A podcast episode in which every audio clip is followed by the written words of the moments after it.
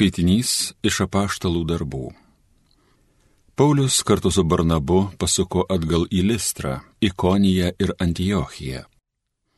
Ten jis stiprino mokinių dvasę bei skatino juos išsaugoti tikėjimą ir sakė, per daugelį vargų mes turime įeiti į Dievo karalystę.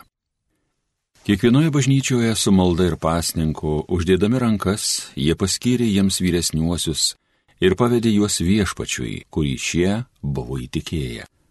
Apkeliavę Pizidiją, jie atvyko į Pamfiliją, paskelbė žodį Pergėje ir leidosi žemyn į Ataliją.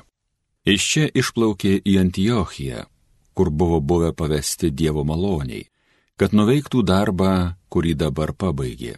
Sugrįžę, jie sušaukė bendruomenę ir apsakė, kokius didžius darbus nuveikęs Dievas per juos ir kaip atvėręs pagonėms tikėjimo vartus. Tai Dievo žodis.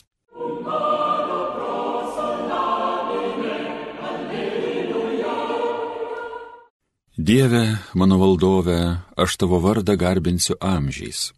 Viešpats švelnus gailestingas, didžiai maloningas, rūstaut negreitas. Viešpats visiems yra geras, savo visiems kūriniams gailestingas. Dieve mano valdove, aš tavo vardą garbinsiu amžiais. Viešpatie, tegu visi tvariniai tau dėkoja, tegu tave garbina ištikimieji, tegu jie skelbia tavo karalystės kilnumą, tegu garsina tavo galybę. Dieve, mano valdove, aš tavo vardą garbinsiu amžiais. Kad visi žmonės suprastų tavo didybę, tavo karalystės kilnumą. Tavo karalystė amžina karalystė, tu kartų kartoms viešpatausi. Dieve, mano valdove, aš tavo vardą garbinsiu amžiais.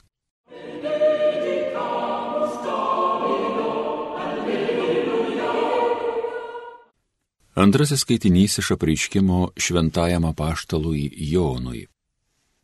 Aš Jonas regėjau naują dangų ir naują žemę, nes pirmasis dangus ir pirmoji žemė išnyko ir jūros taip pat nebeliko. Aš išvydau šventąjį miestą, naująją Jeruzalę, nužengiančią iš dangaus nuo Dievo. Ji buvo išsipuošusi kaip nuotaka savo sužadėtiniui. Ir išgirdau galingą balsą skambantį nuo sosto. Štai Dievo padangti tarp žmonių. Jis apsigyvens pas juos ir jie bus jo tauta, o pats Dievas bus su jais jis nušuostys kiekvieną ašarą nuo jų akių ir nebebus mirties, nebebus liūdėsio nei aimanos, nei sielvarto, nes kas buvo anksčiau, tas praėjo. O sėdintysis sostė tarė, štai aš visą darau naują.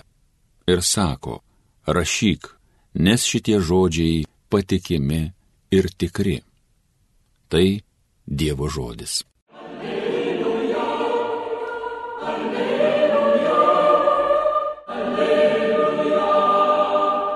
Aš jums duodu naują įsakymą, sako viešpats, kad jūs vienas kitą mylėtumėte, kaip aš jūs mylėjau. Alleluja, alleluja, alleluja. Pasiklausykite šventosios Evangelijos pagal Joną. Judui pasišalinus iš Velykų vakarienės būsto, Jėzus prabilo, dabar žmogaus sūnus pašlovintas ir Dievas pašlovintas per jį. O jeigu Dievas pašlovintas per jį, tai Dievas pašlovins jį pas save, bematant jį pašlovins. Vaikeliai, aš jau nebelgai būsiu su jumis aš jums duodu naują įsakymą, kad jūs vienas kitą mylėtumėte, kaip aš jūs mylėjau, kad ir jūs taip mylėtumėte vienas kitą. Iš to visi pažins, kad esate mano mokiniai, jeigu mylėsite vieni kitus girdėjote viešpatie žodį.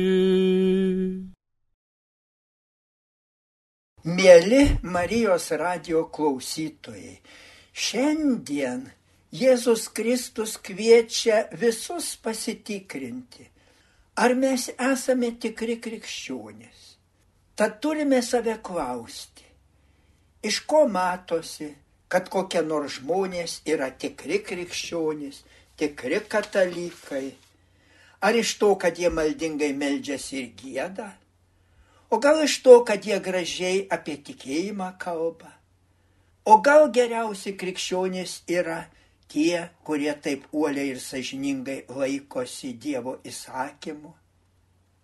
O pirmais amžiais pagonė, žiūrėdami į krikščionių gyvenimą, sakė, žiūrėkite, kaip jie vieni kitus myli. Žavėjosi jais ne dėl gražių žodžių ar giesmių, ar net ne dėl jų pavyzdingo gyvenimo, bet labiausia stebėjosi, kaip jie vieni kitus myli, kaip jie vieni su kitais sugyvena, kaip jie vieni kitiems padeda, kaip jie vieni kitais rūpinasi. Tai matydami ir pagonės ėjo pas krikščionis, norėjo būti tokiais kaip tie krikščionys Jie priėmė Jėzaus mokymą, tapo tikinčiais, krikštijosi. Šiandien ir girdime pirmame skaitinį iš apaštalų darbų, kad Jėzaus mokiniai džiaugiasi, kokius didžius darbus nuveikė Dievas per juos ir kaip atvėrė pagonėms tikėjimo vartus.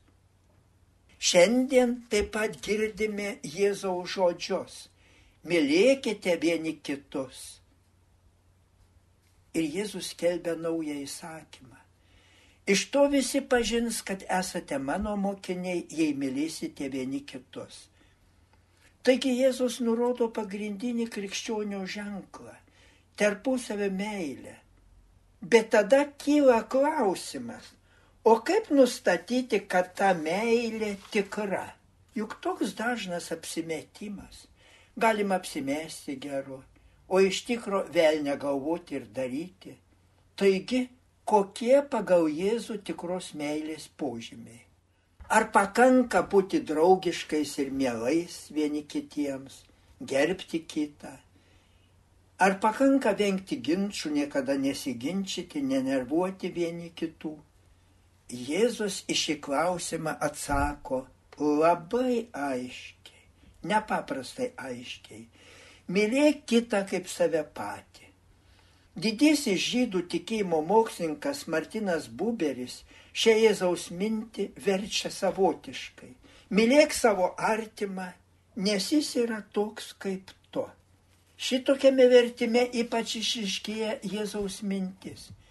Mylėk kitą ne dėl to, kad jis tau geras, draugiškas, malonus, bet dėl to, kad jis kaip tu gyvena tokį pat gyvenimą. Dėl to, kad jis vargė gyvenimo smūgiuose ir sukliudimuose, taip pat reikalingas pagalbos kaip tu. Poetiškai turbūt dera išsireikšti štai kaip. Tavo akis kitame turi matyti ne priešą ar konkurentą, bet tik broli ir seserį. Tavo žodžiai turi nieko nežeisti, bet tik guosti ir stiprinti. Tavo ausis turi girdėti sąžinės balsą kiekviename žmoguje. Ir tyliausius jo truškimus turi girdėti. Tavo rankos turi būti atviros, primti ir duoti. Turi būti visada ištiesos susitaikymui ir paramai.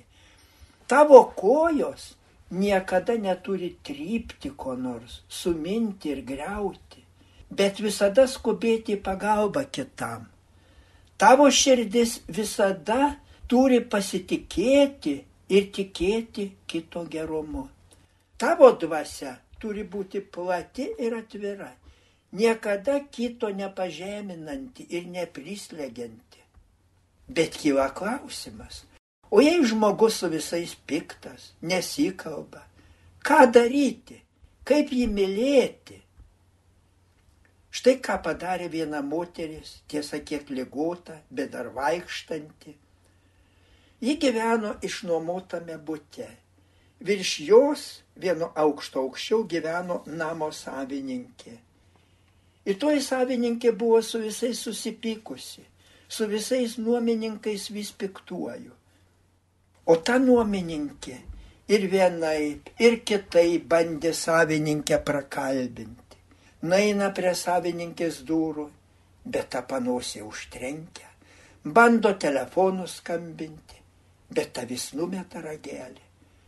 Ir taip savininkė elgesi su visais. O nuomininkė štai ką sugalvojo. Didelėme vazone, savo balkonė, ji pasodino saulėgražos daigą. Laistoma gėlė greit augo ir netrukus jau pasiekė savininkės balkoną. Ir šviečia tai savininkė savo gražių žiedų. Susijaudino toji savininkė. Labai apsidžiaugė net nusileido pas nuobininkę padėkoti, kaip tu čia gražiai sugalvojai. Abi ėmė kalbėtis, šipsotis.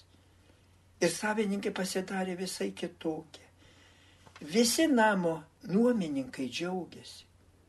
Taigi meilė visada atranda kelią į kitą žmogų.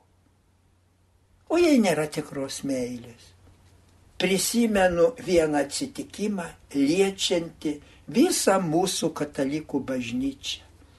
Vienoje popiežiaus Jono Pauliaus antrojo kelionėje Peru štai kaip atsitiko. Surinktos iškilmės, mišios didžiulėje aikštėje, o prie popiežiaus prieina indienų vadas ir sako, popiežiau, jums gražinu Bibliją kurią indėnams atvežė bažnyčia prieš 400 metų. Visi indėnai blogų krikščionių išnaudojami. Nuo to laiko mes tapome pažeminimu ir rasizmo aukomis. Paimkite popiežiau Bibliją. Ji ištisų šimtmečius neatneši mums nei meilės, nei ramybės.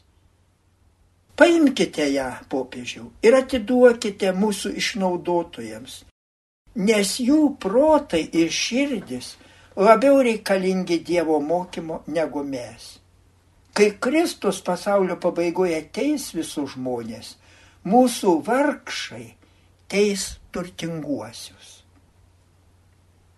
Toks atsitikimas mums sakyti sako, visi turime nuolat savęs klausti, ar aš tikras krikščionis. Ir neturime teisintis, išsisukinėti. Rytoj pradėsiu gyventi meilę, kai kiti taip gyvens. Tad iš ko jau šiandien pažin žmonės, kad esu krikščionis, kad esu Jėzaus mokinys. Amen.